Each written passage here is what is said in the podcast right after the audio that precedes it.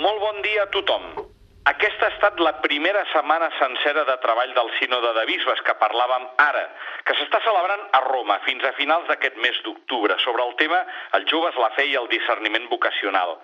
Aquesta primera setmana s'han fet el que s'anomenen els cercles menors, que corresponen a la primera part del Sínode, en un format de petits grups de treball reunits per idiomes.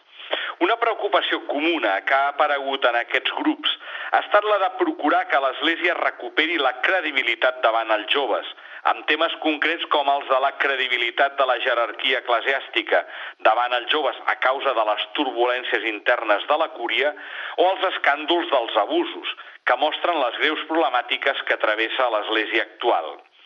Durant una de les primeres conferències de premsa que hi ha hagut, el cardenal Gerard, Gerard Cyprien Lacroix, arcabisbe de Quebec, pare sinodal i membre de la comissió per la redacció del document final del sínode, va reconèixer que en aquests cercles menors s'ha esmentat l'assumpte d'aquestes turbulències dins de la cúria romana. Sí, digué, perquè forma part de la realitat actual i per descomptat no hem evitat el tema. En aquest sentit va assenyalar que la funció dels pastors de l'Església i també dels laics és transmetre l'Evangeli. Tots els membres de l'Església, no només els membres del clergat, tots els membres de l'Església han de testimoniar la fe. No estaríem en aquesta situació de corrupció si testimoniéssim veritablement la fe. El portaveu també es va referir al tema dels abusos sexuals, que segueix estant molt present en els treballs del sínode. En els nostres grups de debat hem dit que hem de donar una formació millor als religiosos, als moviments i a les associacions sobre la sexualitat.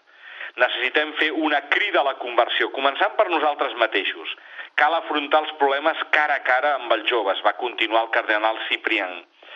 Cal guanyar novament l'estima, la confiança dels joves. Cal parlar directament als joves i nosaltres hauríem de reconèixer les nostres faltes. La conversió és important perquè en absència d'una conversió veritable, aquestes són paraules buides.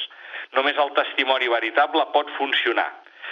Sobre aquest assumpte també es va expressar el cardenal Oswald Gracias, arcabisbe de Bombay a la Índia, president de la Conferència Episcopal de la Índia i pare sinodal.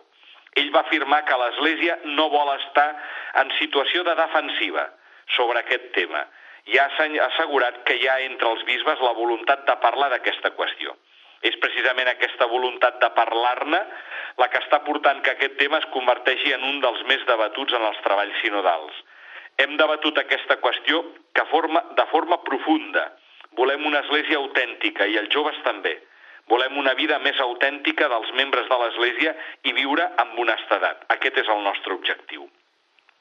A més d'aquests temes exposats, van tenir especial presència d'altres assumptes, com el del paper de la dona en l'Església, la situació d'inseguretat social i econòmica en què viuen molts joves en països en vies de desenvolupament, l'interès per la litúrgia i la implicació dels joves en la presa de decisions de l'Església.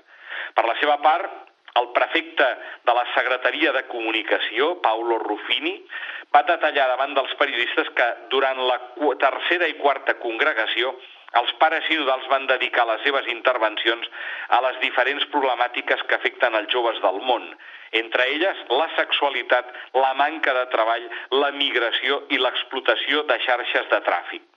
I també va avançar la possible creació d'un Consell Pontifici pels joves i de treballar per un autèntic canvi de llenguatge en l'Església, perquè així apropar-se més als joves amb, amb més empatia.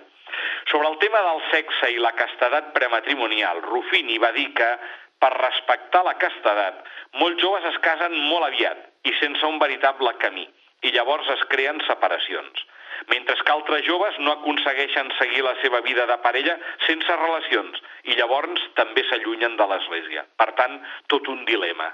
Per acabar, també s'ha fet públic el projecte de presentació d'un nou llibre que es titula La saviesa del temps i que recopila 250 històries de vida comentades pel papa Francesc. Això es farà en una trobada de diàleg intergeneracional entre joves i gent gran que se celebrarà a Roma el proper dimarts 23 d'octubre, en ocasió del Sínode de Bisbes. Molt bon diumenge a tothom!